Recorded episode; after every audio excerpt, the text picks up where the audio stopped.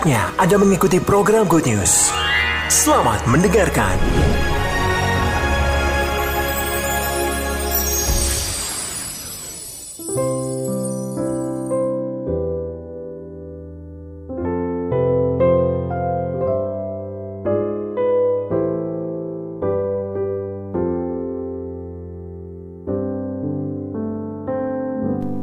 Ya, Shalom Bapak Ibu. Ya, yang di Malang maupun yang di Surabaya, saya percaya kita semua ada dalam berkat Tuhan. Amin. Dalam pemeliharaan Tuhan yang luar biasa. Mari kita syukuri waktu-waktu dan pemeliharaan Tuhan yang selalu baru di dalam setiap kehidupan orang percaya.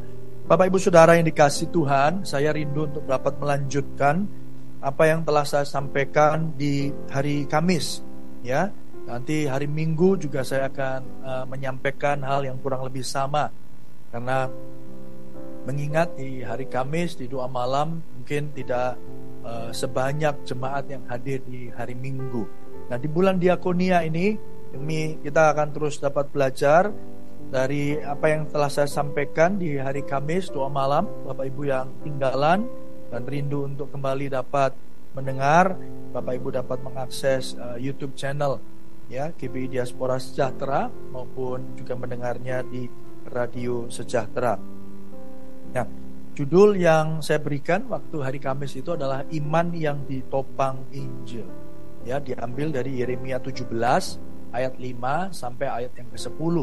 Ya, itu bicara bagaimana ya terkutuklah orang yang mengandalkan manusia ya dan diberkatilah orang yang mengandalkan Tuhan. Ya, ada dua kontras itu Bagaimana ketika kita ada di padang gurun karena dosa daripada Adam itu. Dan bagaimana kita bisa keluar dari padang gurun Bapak Ibu Saudara karena Adam yang terakhir yaitu Yesus Kristus datang ke dunia untuk menebus dosa dan pelanggaran saudara. Saya juga membandingkan bagaimana kehidupan Adam yang pertama dengan Adam yang terakhir. Bagaimana kehidupan Injil itu harus terus saudara dan saya hidupi Supaya apa? Supaya saudara dan saya tidak seperti pohon yang ditanam di padang gersang, padang belantara, padang gurun yang kering. Tetapi ketika kita mengandalkan Yesus dan karya keselamatannya, maka kita seperti pohon yang ditanam di tepi aliran air yang akan terus berbuah, bahkan menghasilkan buahnya, bahkan di saat-saat yang kering sekalipun. Bapak, ibu, saudara yang dikasih Tuhan, saya kembali ingin melanjutkan Bapak Ibu Saudara tentang kurang lebih topik yang sama tapi dari pembacaan ayat yang berbeda. Mari kita buka di dalam Mazmur pasal yang pertama. Mazmur pasal yang pertama kita akan buka dan membaca ayat yang pertama sampai ayat yang keenam ya Bapak Ibu Saudara ya. Ayat pertama sampai ayat yang keenam. Tangan saya sudah ada uh, Alkitab terjemahan baru edisi yang kedua. Jadi nanti saya akan baca di sini tidak akan banyak perubahan Bapak Ibu Saudara, tetapi Alkitab ini juga akan terus dapat membantu kita untuk dapat mengerti firman dan membantu untuk kita terus bertumbuh ya semakin berakar. Ini edisi 2 sudah launching oleh LAI, ada beberapa perbaikan uh, per, per, uh, kata di sana maupun juga ejaan ya ejaannya diperbaharui kata-katanya diperjelas saya percaya ini akan terus membantu kita untuk dapat bertumbuh. Saya mendorong Bapak Ibu Saudara untuk kembali mendapatkan ya. Kadang kita ini sudah terlalu uh, apa namanya uh, nyaman dengan Alkitab yang ada di handphone di gadget kita. Kita tak lagi menggunakan Alkitab uh, yang kertas seperti ini saudara. Tapi mari di kesempatan ini saya juga mendorong saudara untuk dapat kembali membacanya. Nah, Bapak Ibu, Mazmur pasal yang pertama menurut terjemahan baru edisi 2, Bapak Ibu, demikianlah firman Tuhan. Jalan orang benar dan jalan orang fasik. Ayat pertama, Berbahagialah orang yang tidak berjalan menurut ajakan orang fasik, yang tidak berdiri di jalan orang berdosa, dan yang tidak duduk di komplotan pencemooh. Ya, beda ya, komplotan. Ini di sini ditulis komplotan. Kalau di perjanjian atau edisi yang yang baru kalau nggak salah uh, itu bedanya di sana itu ditulis kumpulan ya.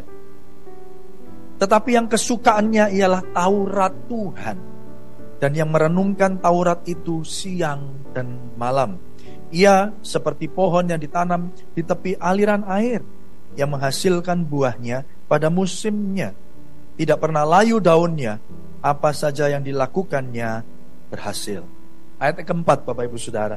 Bukan demikian orang fasik. Mereka seperti sekam yang dihamburkan angin. Eh, sebab itu orang fasik tidak akan tahan dalam penghakiman dan orang berdosa dalam kumpulan orang benar. Sebab Tuhan mengenal jalan orang benar, tetapi jalan orang fasik menuju kepada kebinasaan. Nah, Bapak Ibu Saudara yang dikasihi Tuhan, ya, di sini dicatat Bapak Ibu Saudara bahwa di Mazmur pasal yang pertama ini kita kembali melihat ada kontrasnya. Ya, ada kontras di mana di situ dikatakan jalan orang benar dan jalan orang fasik. Sama ya, di Yeremia 17 ayat yang kelima sampai ayat yang ke-10 yang kita baca di hari Kamis itu juga kurang lebih hal yang sama. Jadi kontras ini senantiasa ditunjukkan di dalam Alkitab. Ya Bapak Ibu Saudara. Nah, Bapak Ibu kalau saya boleh mengajak Bapak Ibu untuk bisa membuka Alkitab Saudara di dalam uh, Matius ya. Matius pasal yang ke-7 ayat yang ke-13 ya. Matius pasal yang ke-7 akan juga buka di sini ya. Matius 7 ayat yang ke-13 saya percaya tim multimedia bisa mengikuti ya Matius 7 ayat 13 di sana dikatakan demikian Masuklah melalui pintu yang sempit karena lebarlah pintu dan luaslah jalan yang menuju kepada kebinasaan dan banyak orang yang masuk melaluinya. Ayat 14, betapa sempitnya pintu dan sesaknya jalan yang menuju kepada kehidupan. Hanya sedikit orang yang mendapatinya. Bapak Ibu Saudara yang dikasih Tuhan, Mazmur 1 ya, jalan orang benar dan jalan orang fasik itu sepertinya membuat kita menyadari bahwa di dalam perjalanan kehidupan Bapak Ibu Saudara, mulai kita lahir sampai kita nanti mati, ya Saudara, manusia selalu diberi pilihan. Kita seperti ada di dalam persimpangan Bapak Ibu. Yaitu apa? Jalan yang sempit dan um, dan dan juga jalan yang lebar. Ya, jalan yang sempit dan jalan yang lebar. Jalan orang benar dan jalan orang fasik. Nah Bapak Ibu Saudara yang dikasih Tuhan kita percaya, kita tahu dan menyadari Walaupun sering kali kita nggak sadar Tapi hari ini mari kita kembali diingatkan bahwa Kecenderungan manusia ketika manusia jatuh di dalam dosa Dan natur daging kita ini Natur keberdosaan kita ini Atau di dalam bahasa Inggrisnya dikatakan sinful nature Atau natur dosa manusia Adalah cenderungannya memilih jalan yang lebar jalan yang enak. Ya, bukan jalan yang sempit. Ya, bukan jalan yang benar, tapi jalan yang fasik. Saudara, itu harus kita akui. Oleh karena itu kenapa firman Tuhan terus perlu kita dengar. Bapak Ibu Saudara yang dikasih Tuhan karena melalui firmanlah kita kembali diingatkan ke mana jalan yang harus kita tempuh. Nah, Bapak Ibu kembali kepada Mazmur 1 tadi ya. Di sana diingatkan apa Bapak Ibu Saudara? Di Mazmur 1 ayat yang pertama, berbahagialah orang yang tidak menurut ajaran orang fasik, yang tidak berdiri di jalan orang berdosa. Kembali, hari ini kita diingatkan kalau saudara ada di persimpangan jalan, ke kiri ataupun ke kanan, jalan orang benar ataupun jalan orang fasik, mana yang saudara akan pilih? Saudara mungkin yang di gereja menyadari, oh ya pasti jalan orang benar lah Pak. Tapi sering kali kita tahu kalau kita mau jujur di hadapan Tuhan. Seringkali kita mau yang benar, tapi yang fasik kita lakukan. Kita pengen yang baik, tapi yang jahat justru kita kerjakan. Saudara, oleh karena itu kita harus memahami pembacaan firman Tuhan ini dari sudut pandang Injil. Nah, kalau kita lihat dari sudut pandang Injil, apa yang terjadi Bapak Ibu Saudara? Di situ dikatakan ada kata pertama di Mazmur pasal yang pertama ayat 1 tadi. Berbahagialah. Ya, apa Bapak Ibu bisa diulangi sama-sama? Satu, dua, tiga. Berbahagialah. Blessed. Berbahagialah orang yang diberkati. Ya, berbahagialah dalam bahasa Inggrisnya dikatakan diberkatilah. Nah, ini merujuk kepada Lukas pasal yang pertama ayat 42. Coba saudara lihat. Kata yang sama di sana Bapak Ibu Saudara. Kalau dalam Mazmur perjanjian lama dikatakan berbahagialah orang. Tetapi di Lukas pasal yang pertama ayat 42 lalu berseru dengan suara nyaring apa?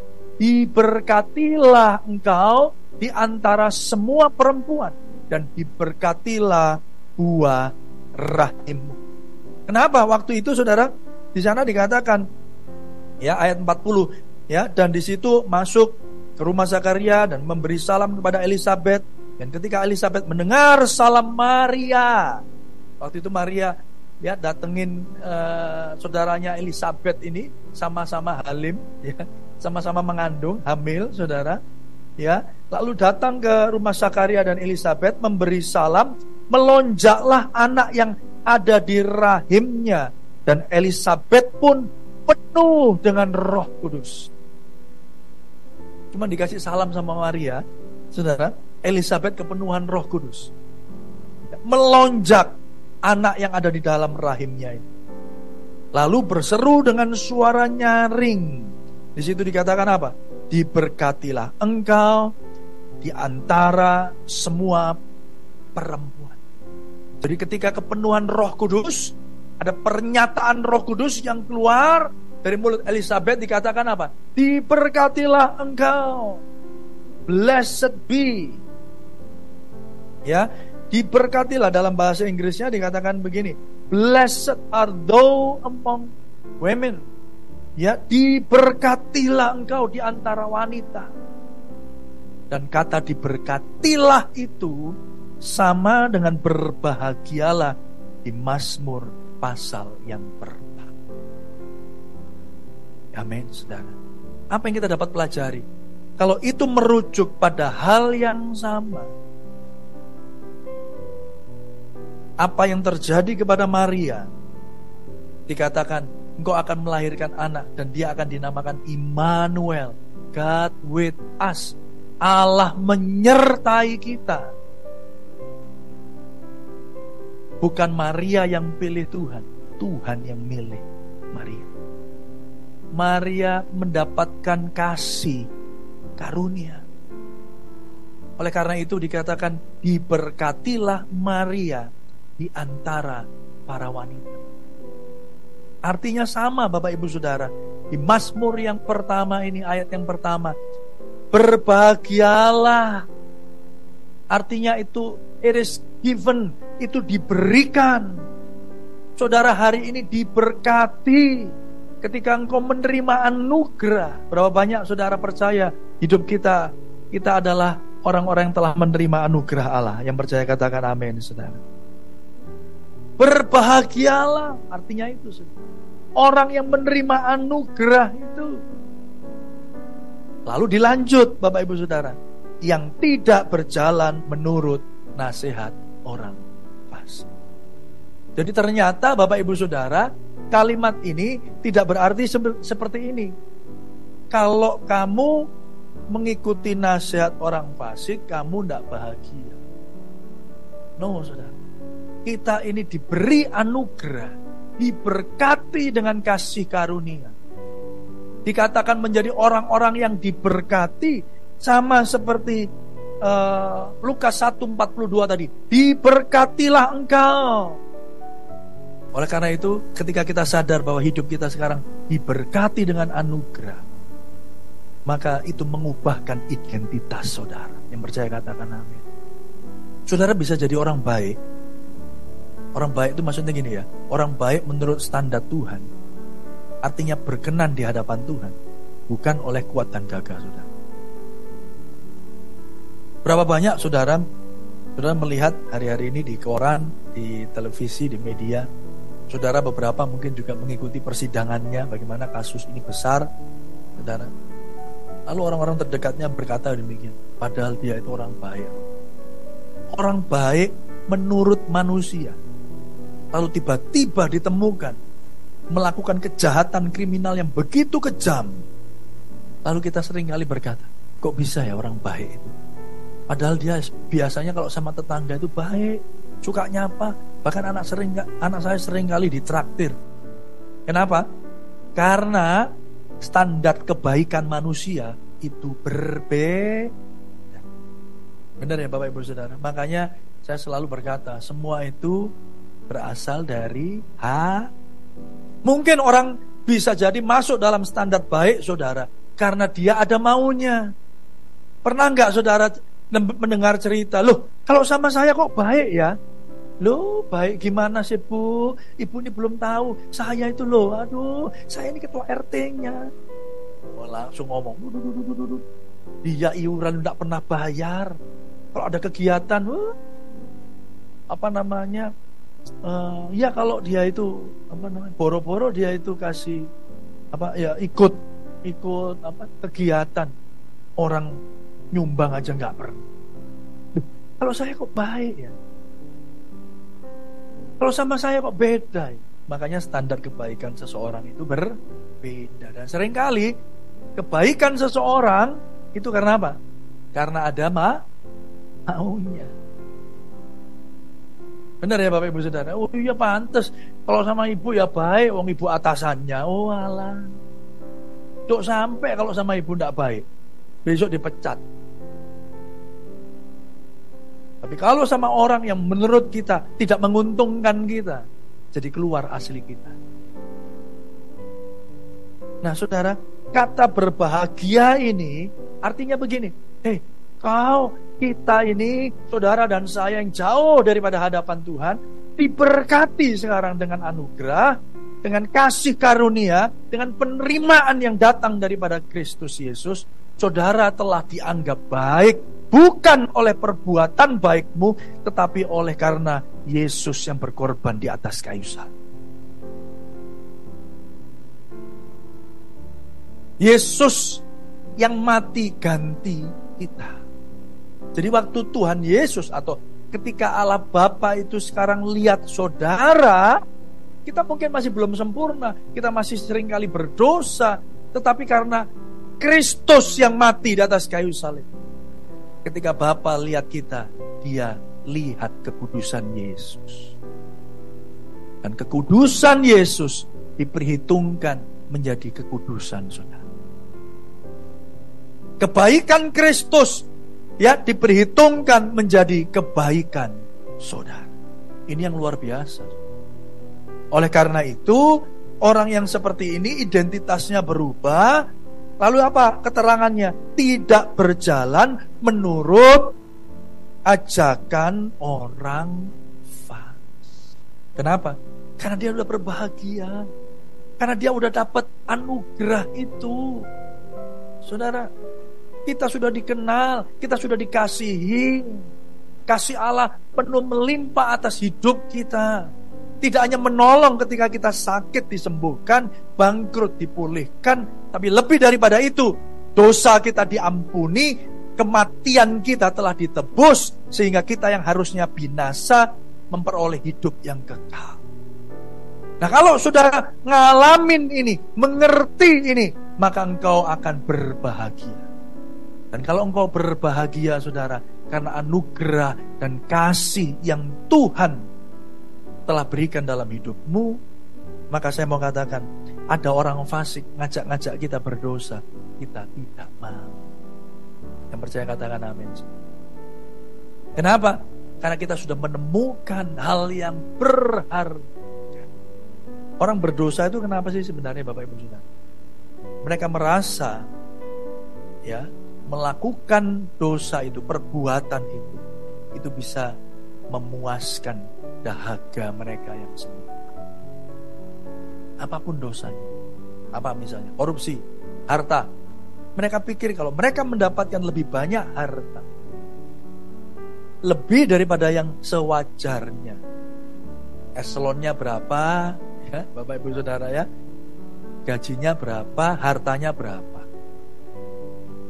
Nah, masa pejabat eselon Bapak Ibu Saudara hampir ngalahi menteri. Ya. Kenapa? Karena mereka berpikir bahwa bisa jadi kalau aku kaya, aku punya cukup harta, maka aku bahagia. Maka Bapak Ibu Saudara, artinya apa? Harta itu menjadi ukuran kebahagiaannya.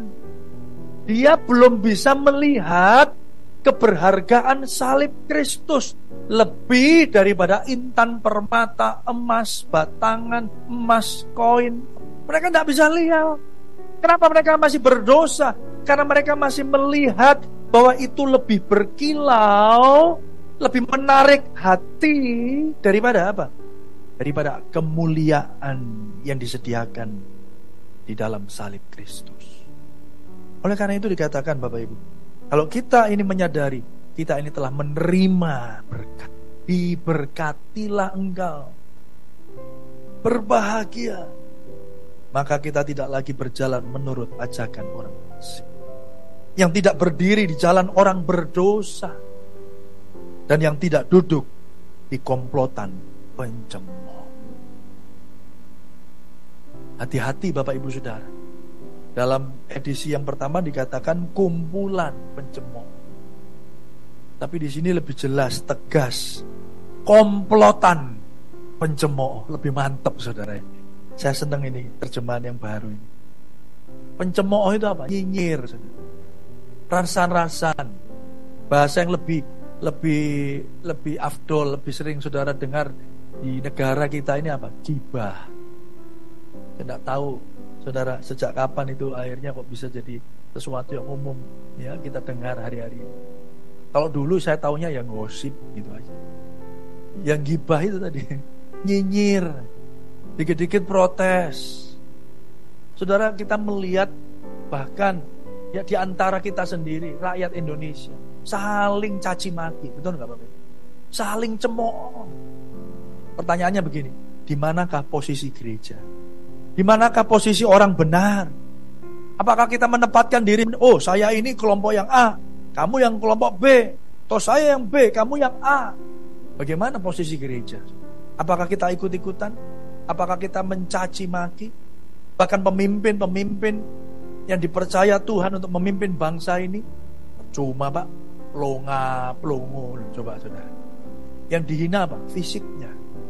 Saudara hati-hati. Dan saya mau katakan, kita semua orang Kristen tidak kebal loh Bapak Ibu Saudara. Saya ini kumpulannya pendeta-pendeta, sami mawon kok. Kita ini manusia, kita punya natur dosa. Lalu saudara katakan, oh itu kan di luar sana Pak. Eh siapa bilang?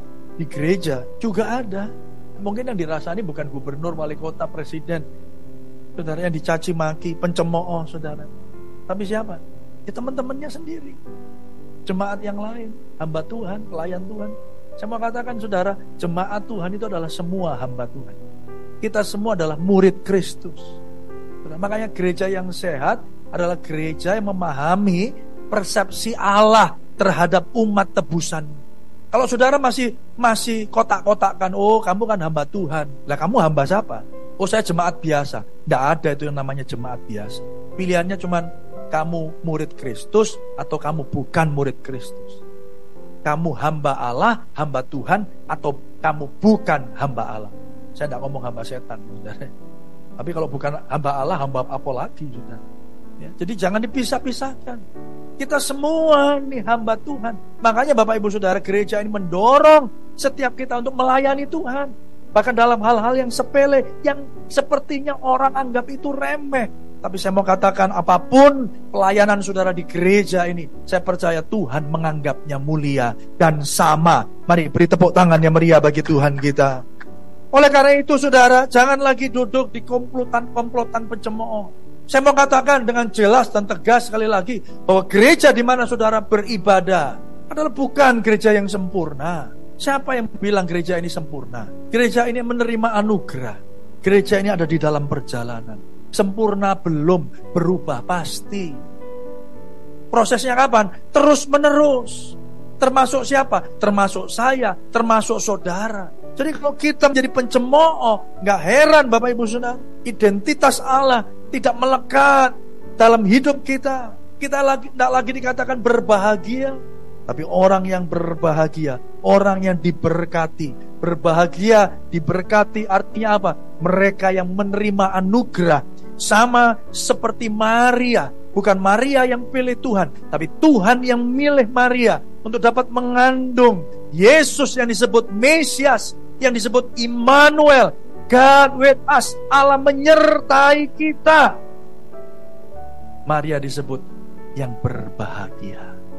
Saudara yang dikasih Tuhan, oleh karena itu mari kita hari ini hidup sesuai dengan identitas kita yang baru, tidak berjalan menurut ajakan orang fasik, tidak berdiri di jalan orang berdosa, dan tidak duduk di komplotan pencemooh. Tetapi yang kedua, saudara, tetapi kesukaannya ialah apa? Taurat Tuhan. Dan yang merenungkan Taurat itu siang dan Saudara yang dikasih itu, ketika engkau mengalami anugerah, ketika engkau Bapak Ibu Saudara diselamatkan oleh Injil itu, engkau bertemu dengan satu pribadi yang namanya Yesus Kristus.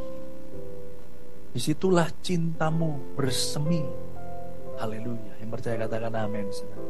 Di situlah kasih kita yang mula-mula bersemi Makanya Bapak Ibu Saudara, ciri khas orang yang telah diselamatkan dan mengalami kasih karunia Allah adalah ayat yang kedua yang kita baca.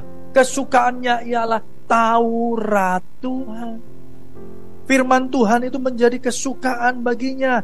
Kenapa? Karena firman Tuhan bagi orang-orang yang berbahagia, bagi orang-orang yang ditebus, bukan cuman hanya bicara tentang aturan dan nasihat, tetapi apa? Pernyataan kasih dari seorang pribadi yang bernama Yesus Kristus Tuhan. Jadi di situ dikatakan kesukaannya ialah Taurat Tuhan. Jangan bayangkan begini, oh berarti baca, suka baca. Saya itu tidak suka baca orang. Jangan perlakukan Alkitab sama seperti buku novel. Saya tuh senangnya lihat komik. Loh, Alkitab komik ya ada kalau saudara mau. Ya, itu buat anak-anak tapi. Tapi kalau mau saudara ada. Jangan perlakukan Alkitab ini, saudara, seperti buku komik, buku novel, buku fiksi dan non fiksi. Nggak heran saudara akan berkata, susah pak tulisannya cilik-cilik ya. Tapi kalau saudara memahaminya bahwa Alkitab ini bukan cuman tulisan, bukan cuman logos, tapi pribadi yang saudara rindu untuk kenal.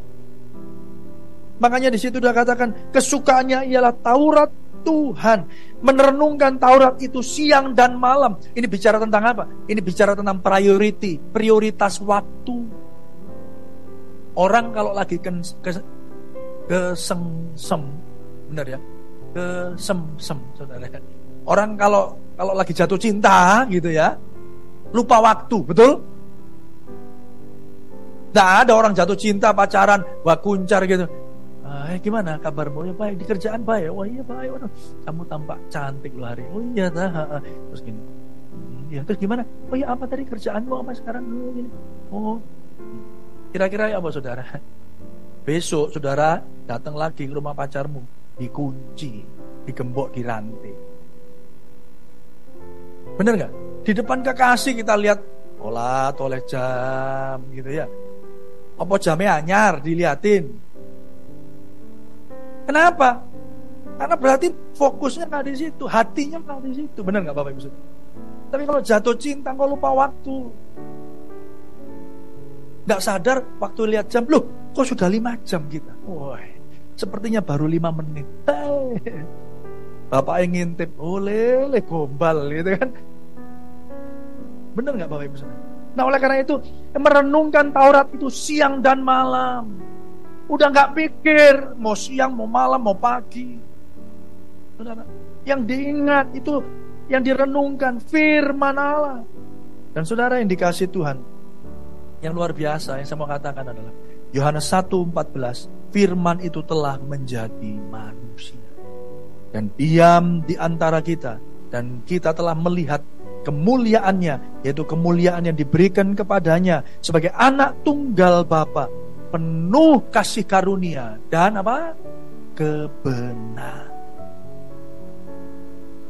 ini dia saudara selanjutnya apa yang terjadi Bapak Ibu Saudara kalau engkau dikatakan berbahagia karena engkau menerima anugerah identitasmu berubah kumpulanmu berbeda. Yang kedua, Bapak Ibu Saudara, engkau akan punya waktu untuk merenungkan firman. Karena firman tidak lagi engkau lihat sebagai tulisan yang perat, yang menjadi peraturan yang kau harus patuhi, tetapi engkau melihat firman sebagai pribadi yang engkau harus kenali dan cintai. Engkau akan lupa waktu, engkau akan habiskan waktu hidup saudara untuk mengenal dia yang telah menjadi manusia penuh kasih karunia dan kebenaran. Ini artinya Bapak Ibu Bapak, Bapak Ibu Saudara, ketika engkau bergaul dengan Sang Firman itu, ketika engkau terus mengenal Yesus sebagai Tuhan dan juru selamat itu, kasih karunia dalam hidupmu semakin melimpah. Dan ini juga yang kedua, Saudara Saudara, kebenaran itu semakin dinyatakan dalam hidup saudara. Ini harus imbang. Kalau kita cuma terima kasih karunia, kasih karunia, kasih karunia, tok saudara. Hidup kita tidak berubah. Kita akan ngomong gini, gak apa-apa lah berbuat dosa, wong ada anugerah, nanti toh aku diampuni lagi. Ini kaum yang anti hukum, anti nomonians atau anti hukum yang meremehkan anugerah. Tapi sebaliknya saudara, ada orang yang menekankan kepada aturan.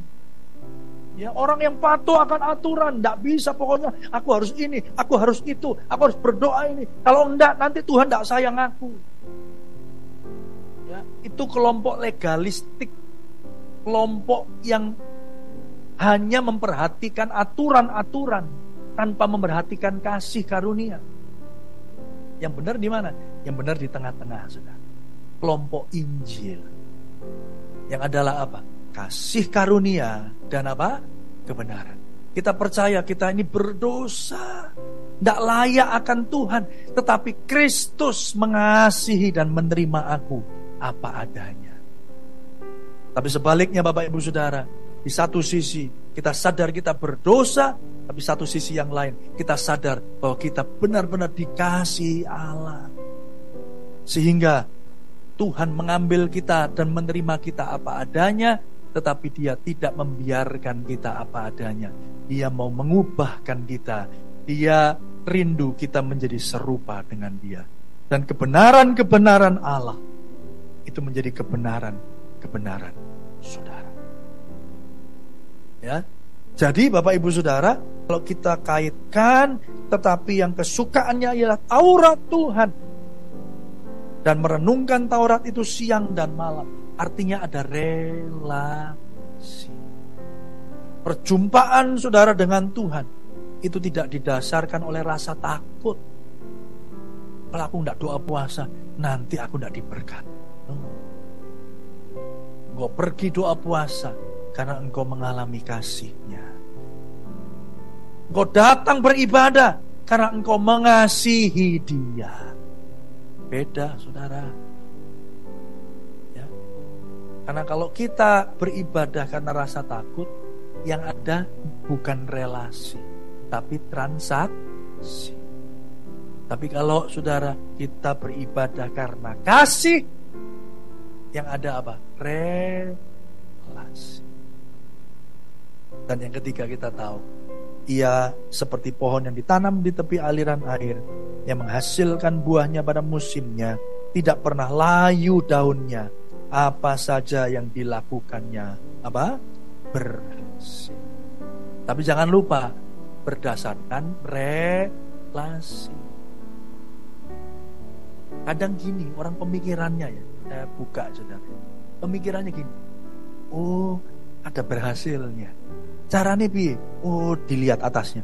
Oh berarti kalau aku ndak ndak sama kumpulannya sama orang fasik, aku ndak sama orang berdosa, aku ndak duduk kumpulan pencemooh, tapi aku baca firman. Oh, kalau perlu aku sekolah STT. Tiap hari lah buka Alkitab. Berarti nanti aku apa pun yang aku kerjakan berhasil. Tapi ada satu yang dilupakan, relasi. Dia cuma mau berhasilnya. Makanya dia ngomong gini, apa syaratnya berhasil? Oh ya wes, paham ya maksud saya Bapak Ibu? Dibalik gitu loh pemikirannya. Oh syaratnya berhasil apa? Merenungkan firman. Ya wes tak renungkan wes. Ayo, tak bocor wes mulai saiki. Ayo. 10 pasal setiap hari wes. Jabani nah pokoknya 365 hari habis.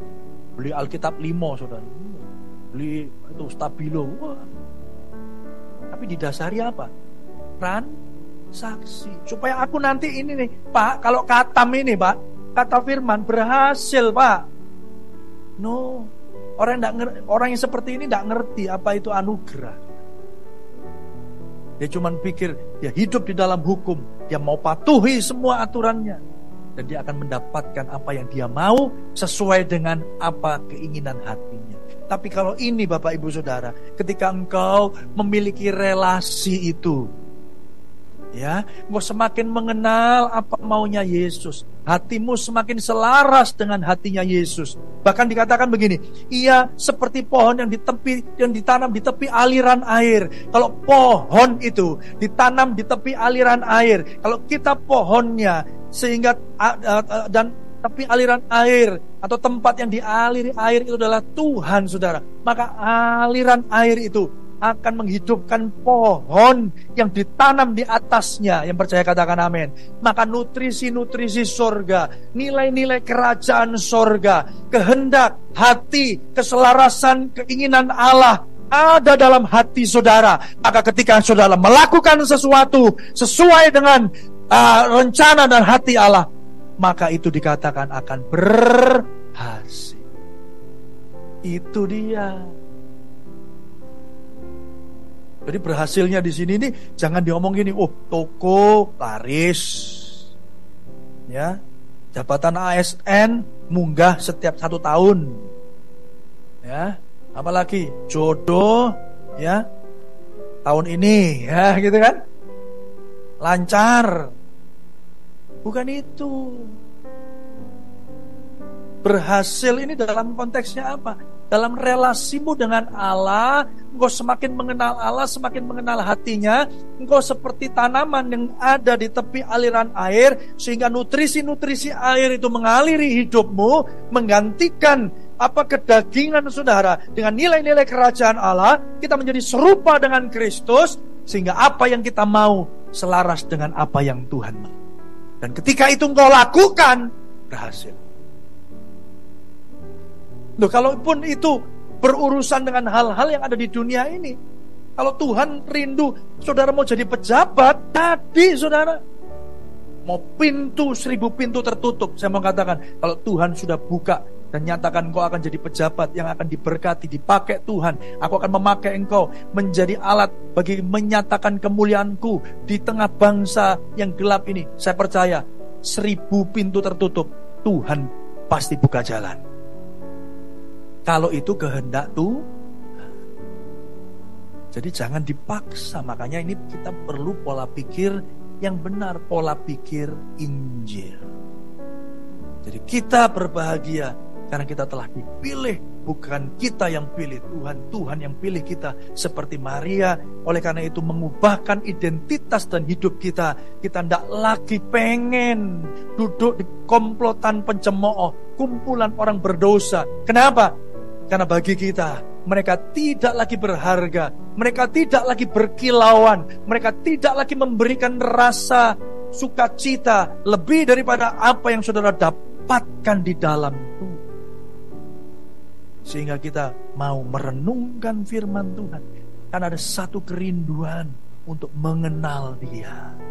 Dan ketika engkau berelasi, membangun hubungan dengan intim dengan Tuhan kita, maka kehendaknya, hatinya itu menjadi kehendak dan hati saudara.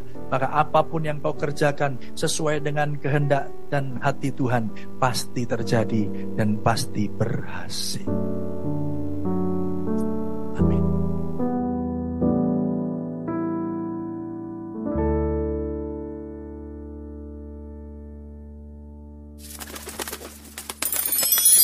Terima kasih untuk Anda yang sudah mendengarkan program Good News yang dipersembahkan oleh Radio Sejahtera.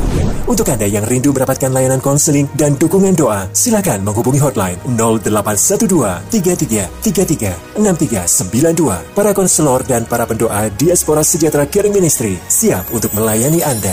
Tuhan Yesus memberkati.